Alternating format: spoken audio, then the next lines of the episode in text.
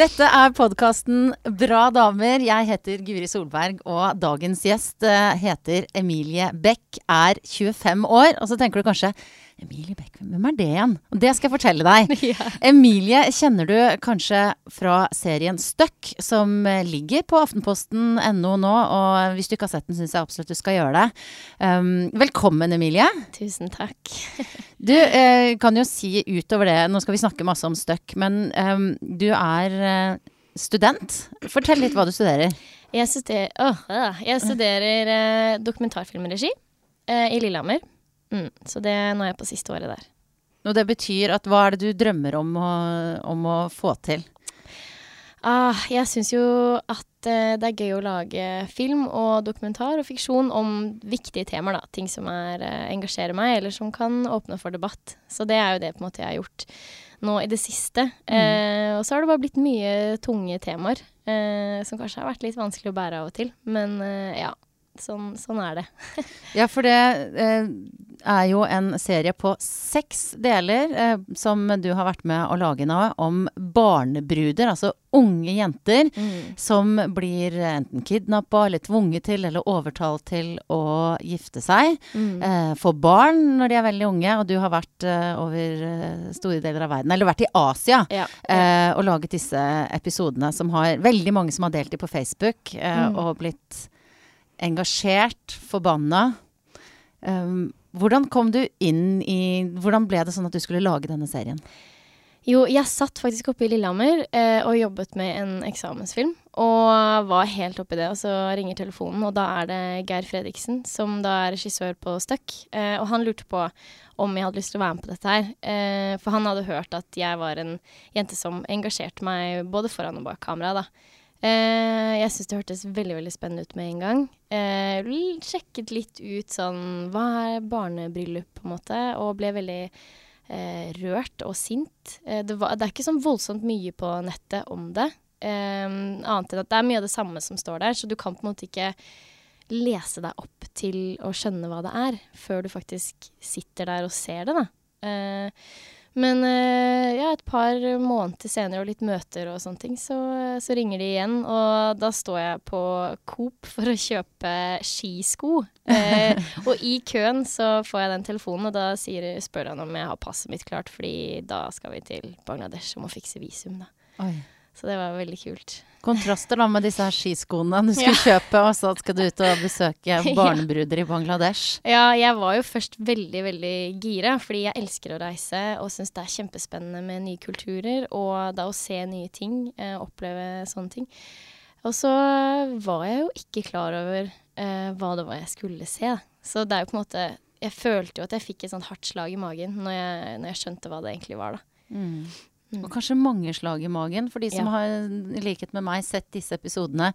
Eller bare lest på nettet, så er det jo massevis av gripende øyeblikk. Enten det dreier seg om en nærmest livløs liten baby eller en hylende ung barnebrud, så er det altså sånn Altså jeg, som vi snakka om før vi gikk inn i studio her, jeg måtte liksom ta pauser Ja. når jeg skal se det, Ja. for jeg syns at nei, dette, blir, dette orker jeg ikke nå. Mm. Eh, og da er det jo også litt sånn brutalt at da kan jeg skru av, jeg. Ja. Eh, men du er det, er det noe sånn at du kan si Er det noe som traff deg Hva var det som traff deg hardest i magen?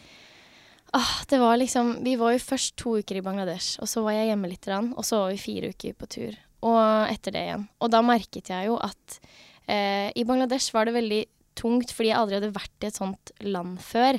Jeg turte jo så vidt å åpne dører, for jeg visste ikke hvilke hånd jeg skulle åpne med. Og det var bare sånn skulle, Jeg fikk ikke lov til å hilse på folk eh, med håndhilsing, og ikke snakke til menn. Og det var så mye regler som jeg ble veldig stressa over. Jeg ville jo ikke tråkke over noen kulturer og sånn. Så det var jo på en måte det å være veldig fremmed i et land med kameraer på slep, syns jeg var veldig, veldig vanskelig. Men eh, jeg tror den opplevelsen som gjorde størst inntrykk, var nok den episode én eh, med den lille babyen Mm. som vi eh, finner ut er dødssyk og må ta til sykehuset.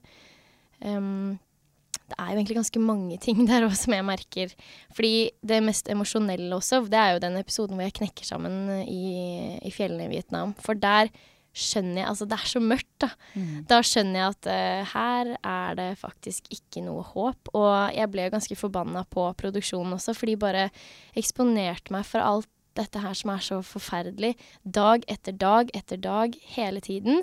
Og så var det på en måte ikke noe svar på ting der hvor jeg var der. Sånn Ja, hva er det jeg kan gjøre? Dere bare viser meg at folk har det vondt, og så skal jeg bare sitte og se på det. Dette må jeg leve med når jeg kommer hjem igjen også, ikke sant. I min hverdag. Så det syns jeg var Det var veldig tøft. Mm. Mm. Hvordan, når du har fått det nå litt grann på avstand, eh, hva slags følelser sitter du igjen med nå? Det er så rart, fordi nå er det ganske sånn Det er nesten litt fjernt at eh, Å, var jeg der i det hele tatt? Men eh, jeg tenker jo ofte på de jentene jeg møtte, og de foreldrene. Og det sitter jo igjen, den følelsen. Så eh, nå reiser jeg jo litt rundt og og forteller litt om disse episodene og sånn, og hver gang jeg liksom lar det gå skikkelig inn på meg, så kjenner jeg at jeg får hjertebank og får liksom klump i halsen, fordi det tar meg tilbake da, til, til det stedet uh, og de følelsene. Men jeg kan jo ikke ligge hver natt og være lei meg på dems vegne. Uh, jeg, jeg har prøvd å tenke at det her er det jeg kan gjøre. Eh, jeg kan belyse temaet og eh, komme hjem hit og på en måte få folk engasjert. Da. Mm. Så da har jeg liksom rettferdiggjort det med at det er min oppgave. Ja. Ja. Og det er jo et engasjement har det jo blitt, heldigvis, rundt Mm. dette, og mange som er opprørte. Nettopp kanskje fordi ja, Jeg vet ikke, jeg visste heller kanskje ikke så mye om dette. Jeg visste at, liksom, at det finnes barnebruder, men hvor, hvor utbredt det er, og hvor brutalt det kan være, er noe som i hvert fall ikke jeg hadde noe mye kunnskap om. Så det må jo være en veldig bra ting. Men hva tenker du, hva er det du håper kommer ut av dette? Sånn, det, er det noe håp om forandring, tror du? Jeg håper jo at det er det, fordi hvis vi som øh, vanlige folk da, øh, legger press på politikerne våre om at de skal ta stilling til det problemet her, så kan jo vi som norsk, altså det norske landet øh, sette press på de, de landene som jeg har vært i, og politikerne der. Men så er det jo også da Plan, f.eks., som er der nede og jobber eh, spesifikt mot å styrke disse jentene i de landene, og lager disse gruppene, som i episode åtte er Wedding Busters, f.eks., eksempel, som har vært med å få ned da eh, disse bryllups, eh, altså barnebryllupsstatistikken fra 80 til 20% de siste fire årene, er det vel. Eh, så det funker jo å da støtte og motivere lokalbefolkningen, da. Eh, og få de til å gå inn og lære om, om disse tingene. Og da trenger man jo våre penger og vårt engasjement, da. Så det å dele og prate om det, og ja, sånn som vi gjør her, at folk hører på og engasjerer seg, tror jeg er kjempeviktig. Mm. Og så er det jo eh, en vanskelig sjanger du har blitt kasta Ja. uti her, på, på mange, mange nivå. Det er jo det der at du på en måte kommer som en representant, eh, representant fra den vestlige verden. Vi har vår kultur, eh, kommer inn, og de har sine tradisjoner som har levd i generasjoner. Eh, og så er det i våre øyne selvfølgelig, og i alles øyne egentlig, eh, grusomt. Men det er vanskelig å vite altså Hvor mye tenkte du på det? At liksom dette er en kultur som de har vokst opp med, Ja. eh, og her kommer jeg, norsk jente. Mm. Hvor, hvor vanskelig syns du det var? Å, det var det vanskeligste av alt, faktisk. Fordi jeg var så klar over at jeg kommer fra et helt annet land og en helt annen kultur. Eh, vennene mine her, som også studerer psykologi og sosialantropologi, og alle disse her, de forteller jo liksom Det er så viktig at ikke du går inn og prøver å belære disse jentene. Og jeg var sånn Ja, ja, jeg skjønner jo det. Men når man kommer dit, og så sitter man der, og jeg husker jeg satt med en jente som, eh, som var 15 år. Det er ikke med i serien fordi hun jeg vet ikke om det var så lurt for hennes egen del å være med også, fordi eh, ja, hun, hun for, for, Sånn jeg tenker det, så virket hun deprimert og egentlig suicidal. Hun sa at hun ville ta livet sitt hvis hun ble giftet bort. Um, og jeg sitter der og vet ikke hva jeg skal si. Uh, det jeg sa, var liksom Ja, men eh, det ordner seg vel sikkert, eller du må prøve å tenke positivt. Så hun bare ja, hva mener du med at jeg skal tenke positivt? Det, at det ordner seg. Jeg har ingen penger, familien min har ingen penger. Jeg har ikke sjans til å klare meg, og det hjelper ikke det du sier. Og da var jeg helt sånn Nei, det er jo så sant, men hva skal jeg si, da? Jeg må liksom klappe på skulderen og bare Ja, jeg skjønner, men jeg gjør jo ikke det heller. Så jeg, jeg tror jeg bare satt der og prøvde å snakke om andre ting, og da blir det sånn kleint. «Øh, har du sett snø før? Ja. Eh, nei, ikke oversett det. Nei, Nei. bare glem det. Mm, jeg må ta meg litt frisk luft. Og så gikk jeg ut og bare ble helt sånn Jeg vet ikke. Fordi for meg som norsk jeg, Det er jo helt umulig for meg å sette meg inn i deres kultur, og for dem så er det vanskelig å, å sette seg inn i min kultur, da. Så jeg syns Ja, det var veldig utfordrende, og jeg prøvde å liksom være åpen, og selv om jeg ikke syns det var ålreit, det de sier, så hjelper jo ikke det at jeg begynner å kverulere, for da ender det opp med at det blir dårlig stemning, og så vil de ikke prate med meg, og da Mm. Ja. Så jeg vet ikke. Det, det var ikke så lett. Men hva slags støtte hadde du i den produksjonen som var rundt deg da? Eh, For det er jo en litt sånn Du blir som en svamp, da, Mm. som trekker til deg alle disse vonde skjebnene. Ja. Eh, Hva, hva slags støttehjelp fikk du da, når, når du ikke visste hva du skulle si? Ja, nei, jeg, jeg Vi hadde jo eh, han Geir, som er regissøren, han satt jo alltid i nærheten og kom med forslag til ting jeg kunne spørre om hvis jeg gikk, ble helt blank. Mm. Eh, og så hadde vi også folk fra lokale organisasjoner som var der, som, som var med, og hvis jeg sa noe eller tok noen i feil hånd, eller ikke sant, så lærte jeg litt om kulturen før vi da tråkket inn i andres hjem og, og, og sånne ting. Men eh, jeg fikk jo ofte eh, muligheten til å trekke meg bort, eller å prate med noen om det etterpå. Um, og jeg syns spesielt i Vietnam, hvor de har den tradisjonen hvor det er eh, menn som kidnapper jenter, og så holder de dem inne i tre dager, og da er de forlova. Eh, og han gutten som da er 17 år og sitter og forteller meg at eh, jeg syns ikke jenter har, eh, skal velge menn. De har ikke rett til det. Og så vet jeg jo at for meg så er det veldig provoserende å høre en 17 år gammel gutt sitte og si det. Men det er det han har lært av sin far igjen, og faren hans har lært av sin far igjen. Og det er en kultur for det. Så jeg istedenfor å sitte og bli sint på han, så spør jeg heller liksom Ja, men syns ikke du det er litt slemt, da, å, å gjøre det? Men jeg var jo veldig krass mot han etter hvert, og lovet og liksom Eller jeg ba han passe på henne, da. For det er det eneste jeg kunne si. Jeg visste ikke Men uh, jeg husker jo sånn de gangene man har sittet der og Nei, nå vet jeg ikke hva jeg skal si, så, så sier jeg bare det på norsk, og da kom noen andre inn og sa liksom Kanskje du kan spørre om det eller det, eller Mm. Så redda meg inn, da. Men vanskelig da i den situasjonen du nevner i Vietnam der, for de er jo barn i begge i begge, begge parter er barn. Ja, Så det er jo Han stakkars jeg også fikk akkurat, vet akkurat hvilken sekvens du snakker om. mm. Jeg fikk jo nærmest Altså, jeg skjøn, skjønner din Og så også at du ble provosert, men Mm. du, man får jo også veldig soft spot for han stakkars gutten Ja, som tror at dette er en ålreit ting å gjøre. ja, ikke sant. Og han er jo kjempeselvsikker også, Mm. og sier jo dette her med at ja, nå, nå skulle jeg gifte meg, og det var på tide, og hun er litt sjenert, men uh, nå er det jeg som bestemmer, og hun skal ikke jobbe mer, og det er sånn det er. Mm. Så jeg spurte jo faren hennes også, hva syns du om det? Nei, han syns jo det at uh, jo tidligere jo bedre, for da var han sikra at hun ble gift, fordi jo eldre hun blir, jo mer synker hun i verdi. Så da var det jo på en måte Hun var vel 14 når hun giftet seg, og det tok lang tid å få det ut av henne, for hun sa hun var sånn 18-19. Eh, og så etter kanskje et par timer så innrømte hun at hun var 15, da. Så det, ja. Det er sånn vondt, fordi eh, til og med det er flere av tolkene også som eh, ikke helt forventet eh, alle disse følelsene og reaksjonene som kommer når man sitter ansikt til ansikt med disse jentene. Um, så det var mye gråting og mye forskjellige følelser man aldri hadde vært borti før, da.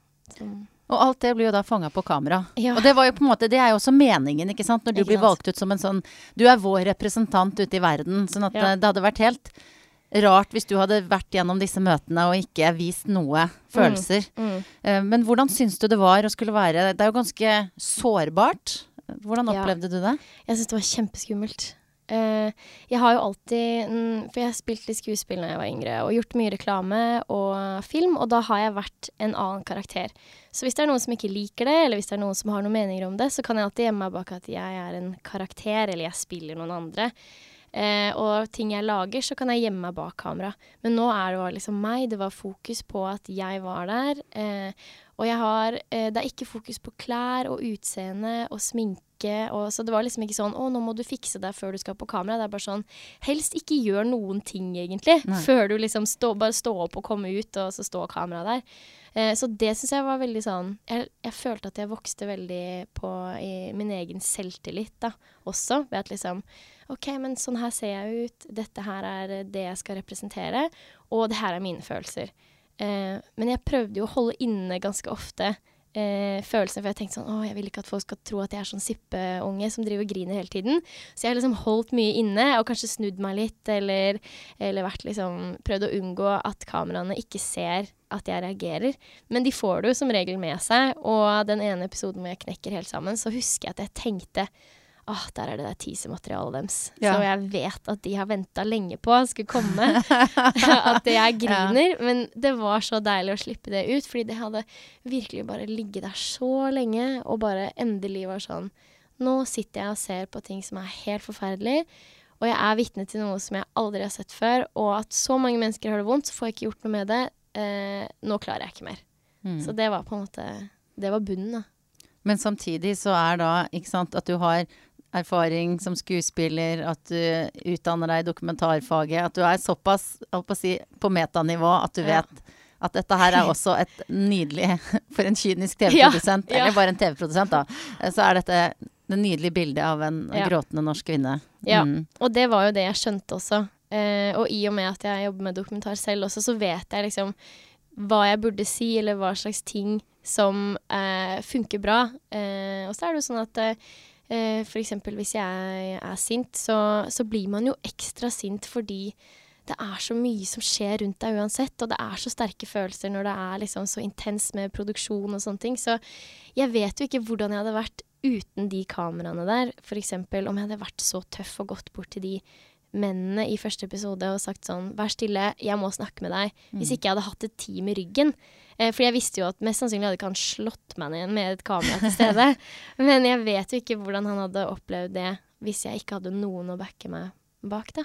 Nei, og det er jo sånn, Man får jo en slags sånn ekstra tøffhet gjerne eh, når man er i en sånn rolle. Eller Mm. Både fordi man fysisk har noen med seg, men også fordi man er on a mission, på en måte. Ja. Jeg hadde, kan, ikke at jeg skal være så frekk og direkte med deg nå, men at liksom, når jeg sitter med dette headsetet og Ja, denne ja. mikrofonen, så kan jeg liksom stille deg noen mer direkte spørsmål enn hvis du bare hadde sittet på kafé. ja, selvfølgelig. Så det er en sånn viss sånn selvtillit som kommer med det, da. Mm. Og det følte jeg jo også, at selv om i Bangladesh, da, når det var første landet vi, vi var i, så var jeg veldig sånn Det var utrolig mye kleint som foregår mellom Som de lover jo å klippe bort, og det gjør de jo som regel. Eh, men sånn klemming Jeg er sånn klemmeperson. Begynner å klemme folk, og der klemmer man jo absolutt ikke. Og jeg hilser og får en knyttneve tilbake, og det er veldig sånn Hva skal man snakke med de jentene om? Fordi vi har jo ikke noe annet til felles enn at vi forhåpentligvis eh, går hun på skole. Eh, liker å tegne og eh, liker å være ute i naturen. Og så liker hun eh, altså, fisk og grønnsaker. Så, liksom, så stopper samtalen der. Og så må du gå som regel gjennom én eller to tolker. Så du får jo ikke humoren, du får jo ingenting på en måte spontant. Så det er jo flere ganger man må sitte der og le litt, og så er du ferdig med å le, og så kanskje ler de. Eh, Ja. Fordi du må igjennom disse tolkene og alt. Ja. Så var det sånn merkelig. Men likevel så var det jo noen du kom veldig nært. Spesielt igjen første episode. Eh, Jenta med det døende barnet. Ja. Og, og flere øyeblikk også hvor, du, Mm. måte, hvor man bare visker ut alt det derre Mm. språklige barrierene, men at det er en ung jente som holder en Mm. annen ung jentes hånd, da. Mm. Ja, og det var veldig rart, fordi eh, så Shonda i syvende og åttende episode i Bangladesh, hun var vel den jeg også kom veldig Mm. godt innpå. Eh, hun skjønte jo litt engelsk. Og så var hun også veldig sånn Hun var veldig på at hun grep hånden min hele tiden. Eh, og da blir man jo veldig nære veldig fort.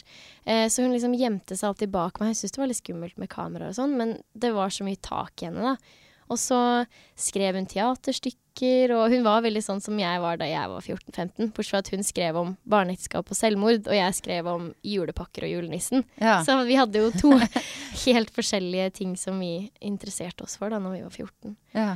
Det var litt sånn veldig spesielt å, å se, fordi jeg syns jo ikke en 14-åring skal trenge å lage skuespill om en jente som tar selvmord fordi hun giftes bort. Og det er nettopp det at de kontrastene er så store mellom, eh, mellom ditt liv og Mm. mange av de kvinnene du har møtt, eller jentene du har møtt. Um, hva slags tanker gjør det da? Så jeg tenker Vi skal tenke på denne podkasten her, da. Så har jeg jo veldig mange forskjellige gjester. Mm. Um, og vi snakker om utfordringer og prestasjonspress og sånn. Og så er det jo også mange som i en sånn setting tenker at at vi, at vi har likestilling i Norge, og vi Mm. trenger jo ikke kvinnedag. Det er ikke noen som har sagt det her i dette rommet her, altså, men sånn utenfor har sagt det. Mm. Eh, hva tenker du da, med de erfaringene du har i baklomma nå?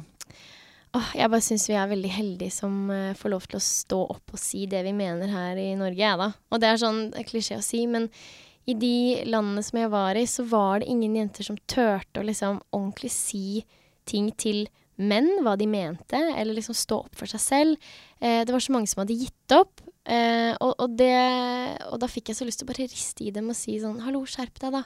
Det er fortsatt håp. Eller ikke gi opp. Når du gir opp nå, så gir jo alle andre opp også. Mm. Eh, men her så får vi liksom lov til å og klage over alt, egentlig. Eller sånn Vi har jo nesten bikket litt over på en måte på at uh, vi får særbehandling um, i forhold til disse jentene, da. Mm. Så jeg, jeg syns jo absolutt man skal ha kvinnedag, men også for å uh, markere jentene utenfor Norge. At ikke det bare er liksom oss det handler om. For, uh, for det er Vi har en veldig lang vei å gå, faktisk. Jeg var jo ikke klar over det, men vi, vi har jo det. Du, selv om du har hatt dette um, kamerateamet med deg, og at det har gitt deg ekstra selvtillit, så slår det meg som en uh, tøff dame. Altså en, uh, modig som gjør dette. Um, har du alltid vært så tøff? Det tror jeg ikke. Uh, nei, men jeg, jeg, har vært veldig glad i å, å reise og oppleve nye ting. Eh, og så har jeg vært litt rundt, og jeg, har, jeg reiste mye som ung også. Eh, jeg bodde tre måneder i Australia når jeg var 19, tror jeg. Eh, og da er det sånn, du opplever ganske mye, og du lærer jo på en måte å ta vare på deg selv, og kanskje miste litt fly innimellom, og må liksom sove på flyplasser og ja, takle sånne ting, da. Men eh, jeg har jo alltid lært av mamma og pappa og sånn at liksom at du må, du må stå for det du mener, og, og du må liksom ha rak rygg, da. Eh, så jeg føler jo liksom at det har kommet naturlig med årene, eh, å bygge seg den, den eh, selvtilliten med å være litt sånn tøff, da. Men uh, jeg husker når jeg var åtte år og sånn, så syns jeg det skumleste jeg visste, var liksom å, å snakke foran folk. Mm. Jeg hadde én replikk på et teaterstykke, eh, og den grudde jeg meg til liksom, gjennom hele forestillingen. Så jeg vet ikke. Jeg, jeg, jeg tok det som, satte som et mål da, å bli tøffere. Ja. Men du hadde grua deg til å komme hit i dag òg? Ja, jeg hadde det. Hvorfor det? Nei, jeg syns det er litt skummelt. Eller sånn Nå skal vi jo snakke så lenge. Jeg har på en måte Da blir jo folk liksom kjent med meg eh, sånn bare meg. og, og, liksom å snakke om meg selv og sånn er, det er ikke, Jeg er ikke så vant til det. For det, det er som regel saken som man prater om. Mm. Men du er jo, altså, hvis vi skal snakke litt mer om deg, da, så oppfatter jeg jo deg som, eh, som jeg forstått det, en engasjert person. Og det var også mm. en av grunnene til at du, du fikk være med på dette. Mm. mm eksamensproduksjonen din og eksamensfilmen din eh, handler om menneskehandel. Ja. Eh, du er på en måte Altså, det er sånne ja, det er ikke gladsaker, som Nei, du sa i begynnelsen. Ikke sant. Hva er det som trigger engasjementet ditt når du hiver deg over et uh, tema? Som regel så er det jo uh, urettferdighet, da, som jeg reagerer veldig sterkt på. Uh, og det er jo det som er driven i de tingene jeg har lyst til å lage. Så jeg, når, I fjor så lagde jeg da en film om flyktninger, og da var jeg i Hellas og filmet med en fotograf. Så da var vi der en ukes tid og filmet da flyktninger som kom inn og møtte eh, folk fra Norge og fra alle andre land. Eh, og, og, det var sånn Det var helt forferdelig, faktisk, å lage den filmen.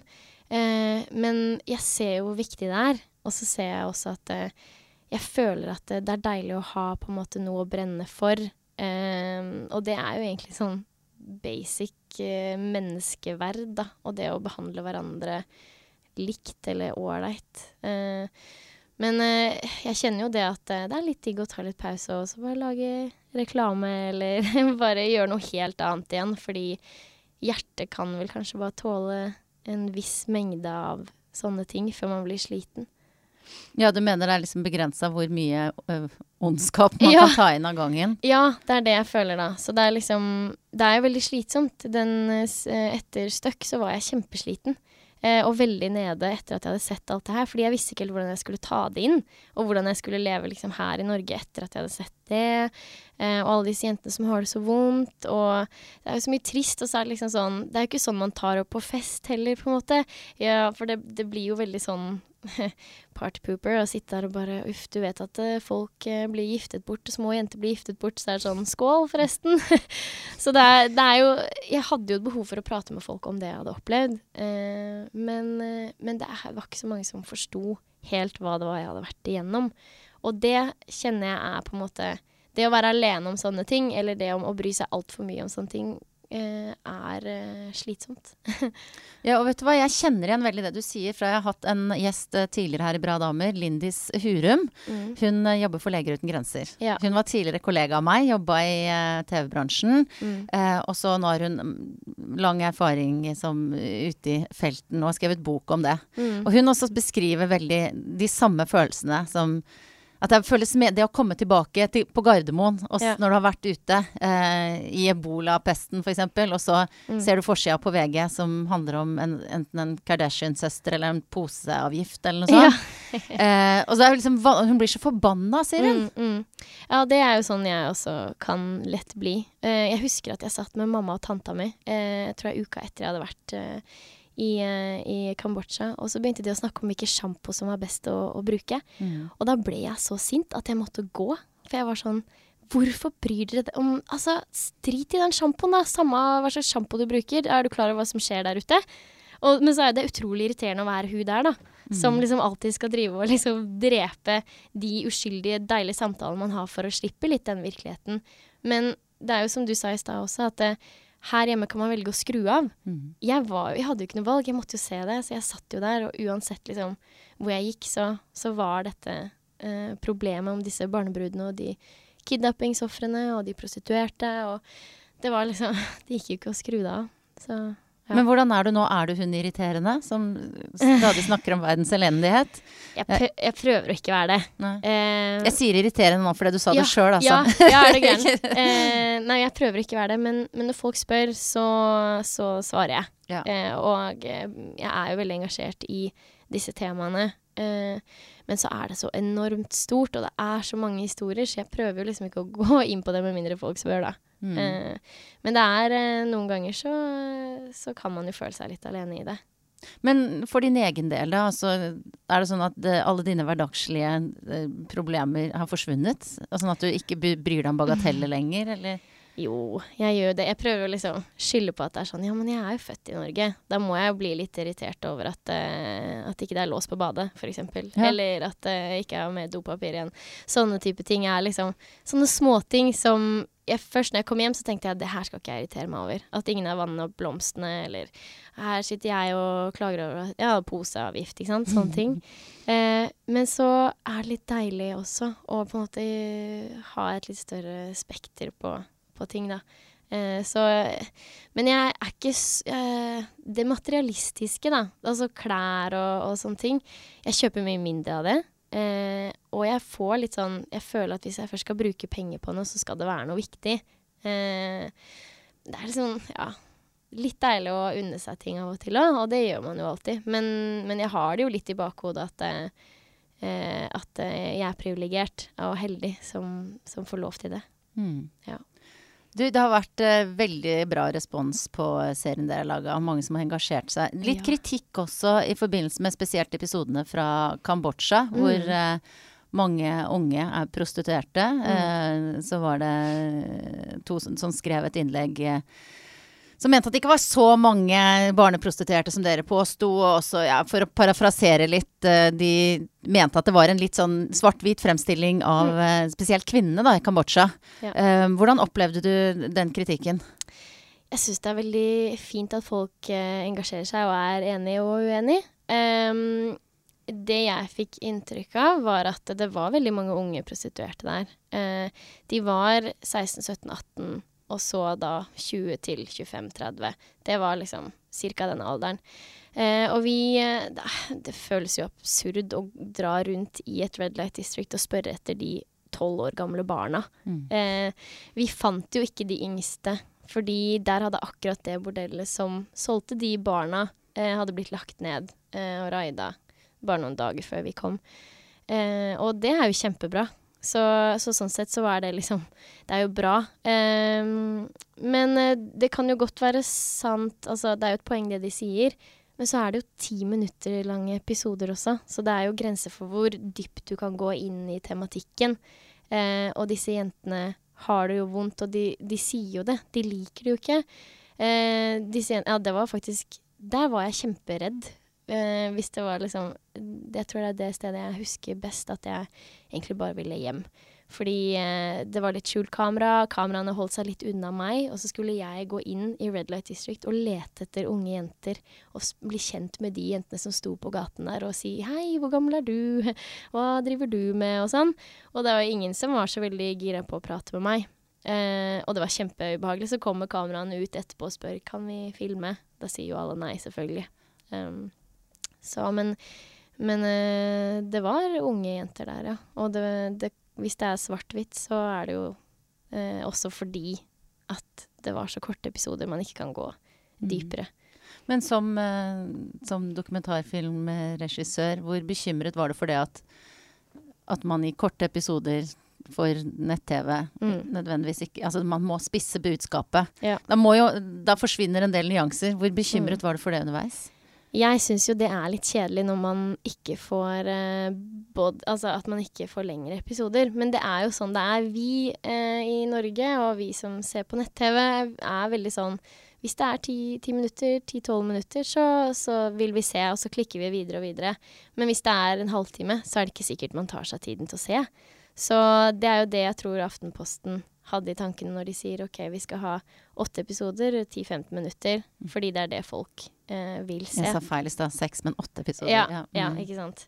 Så um, Men det er en risk eh, man må ta, og jeg må jo si jeg har vært takknemlig som bare har vært foran, og Mhm. ikke måtte ta de valgene. Fordi jeg vil jo si at det er vel kanskje 80% eller 70 da, av det vi filmet, er ikke med i serien. Mm. Og det er ganske sykt, for det var utrolig mange viktige historier, og utrolig mange historier som, eh, som ikke har kommet med, men som har samme budskap som de som er med, da. Så det er jo på en måte Du har jo fått med de viktigste.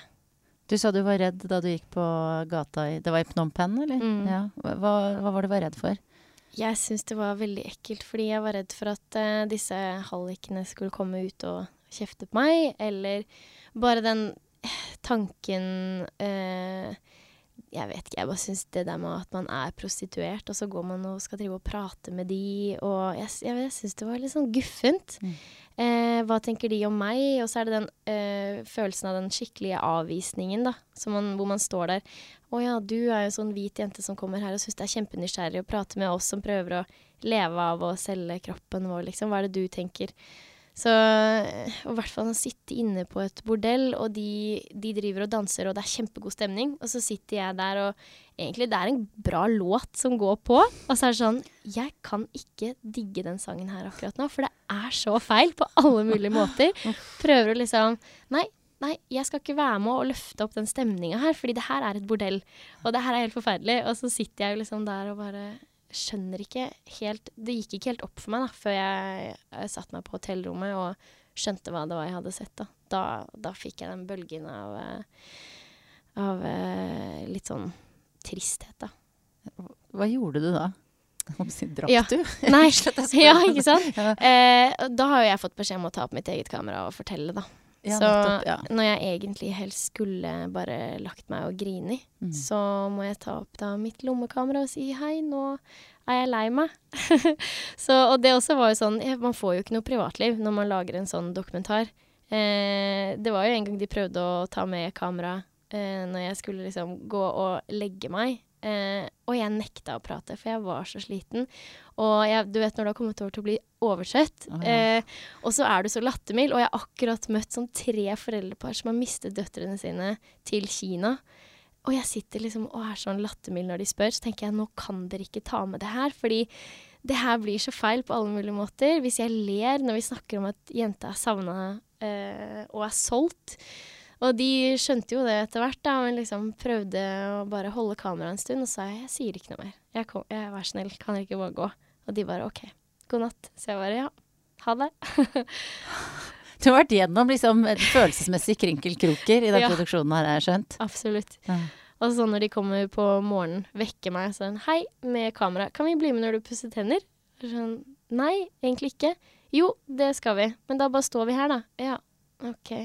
Det, den er grei. Du har et godt forhold til disse folka fortsatt, eller? ja, vi vi er venner, vi. Det er bra. Man må ta det med humor, hvis ikke så blir man jo bare forbanna på hverandre. Og så er det en viktig historie, Emilie. Og det Ja. er viktig at du har uh, vært ute og sett, så vi andre kan ja. få se. Ikke sant? Det er det jeg tenker også. Jeg har bedt deg om å ta med noe som kan si noe om hvem du er, og som eh, kanskje spesielt i denne støkk-sammenhengen. Ja, skal vi se. Jeg må finne det. Ha med seg en uh, liten bag med noe i. Her. Nei, Ja. se her, ja. En liten globus. Skal jeg bare ta bilde av deg, for nå var du så fin sammen med globusen din. Ja, Bare fortell, du. ja, det er fordi det her er, det er jo veldig sånn åpenbart. Jeg har jo nevnt det flere ganger nå, at jeg er veldig glad i å, å reise. Ja. Uh, men så kjøpte jeg den her, for jeg har jo litt sånn kart og litt globuser rundt om i leiligheten, da. Em, og den her kjøpte jeg. jeg skulle, tanken var at jeg skulle prøve liksom, for det er sånn sparebøsse. Å ja, nettopp. At man skulle spare uh, penger til reise. Men det er en 50-øring inni der. Det er vel det jeg har. 50 øre på reisebudsjettet. Ja. Hvor, det, du kommer deg ikke så langt med det, da. nei, nei, men så er det sånn, ja, jeg er glad i å reise. Um, så da tok jeg med den. Uh, jeg liker å se de kulturene og sånn, men så er jeg veldig dårlig på uh, det å smake ny mat, eksempel. Eh, så det er liksom sånn Jeg tok den med for liksom Det er en utfordring, og når jeg sier det høyt her nå, så, Ja. så lover jeg på en måte det, da. Og Mm. Eh, lære meg å smake på mer mat. For jeg fikk jo høre på den turen da når vi reiste til Asia, at eh, jeg var verdens kjedeligste i matveien. Eh, Ja, men det- Asia, det er jo så fantastisk vietnamesisk, kambodsjansk mat. Det er jo Ja. fantastisk godt. Ja, og det er jo det. Og jeg prøvde jo ting til en viss grad, men jeg var livredd for å bli matforgifta. Ja. For det var jo også fordi de sa det at hvis du blir syk, så må du bare ta med deg en bøtte. Vi, vi har ikke tid til at du blir syk, så da må du bare sitte med den bøtta, og så stopper vi bare kameraet. Eller bare la kameraet gå, så er det morsomt, liksom. Ja, kjempemorsomt. Ja, jeg bare Ja, det er veldig morsomt. Tusen takk. Så, men de var alvorlige på det, at eh, du, du kan ikke bli syk, og hvis du blir syk, så, så må du ta med deg den bøtta. Hva spiste du da? Ris? Ja. ja. Ris, eh, kylling og sånn eh, Jeg vet ikke om det var svor eller eh, hva he, Altså, de hadde jo kokte blomster ganske mye i Vietnam og sånn. Ja. Veldig merkelig. Og så hadde de ribbe. Eh, ja. Så det var liksom Det var det det gikk i, da. Eh, heldigvis så ble jeg jo ikke syk, for jeg tenker bare sånn I de landsbyene vi var i, så var det Det var jo ingen toaletter noe sted. Eh, I noen av de. Så det var bare sånn De, de går jo bare rundt disse hushjørnene og gjør seg ferdig, på en måte. Eh, og det ga jo meg angst. Altså, det eh, Man kan jo liksom prøve å utfordre seg litt med de hullene i bakken og sånn, det går helt fint. Men, men det å liksom i helt åpen landskap bare sitte Og så tenk hvis man er matforgifta og bare da, Nei, det Da var jeg livredd. tenkte jeg da får jeg heller bare dra tilbake en annen gang og prøve masse mat uten et kamerateam. Så det er det denne 50-øringen er liksom Ja. Den, spede begynnelsen. Ja. Men utover det å skulle reise enda mer og prøve mer mat ja. Jeg spurte deg litt innledningsvis, men hva er det du drømmer, drømmer om å få til? Å, det er et vanskelig spørsmål. Eh, jeg har jo lyst til å lage film, da.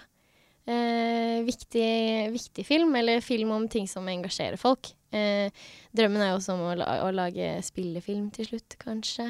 Eh, og ja, Så det, det er jo liksom Jobbmessig, da, så er det jo det. Men, men sånn privat så er det selvfølgelig å få seg en familie.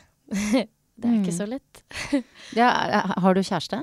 Nei, Nei. var ikke det. Veldig singel. Ja, ok. Ja. Så da fikk vi jo sagt det. Da er det dessverre 80 eh, eller mer damer som hører på den podkasten. Så med mindre det er den, en kvinnelig kjæreste du ønsker deg, så kan at dette er et dårlig sted å annonsere. Ja, det er det kanskje det. Men, Men- kanskje de kjenner noen som er single. Det kan jo hende, så den utfordringen går Det er veldig morsomt hvordan dette startet uh, som en prat om viktige ting i samfunnet, ting man må forandre og gjøre noe med.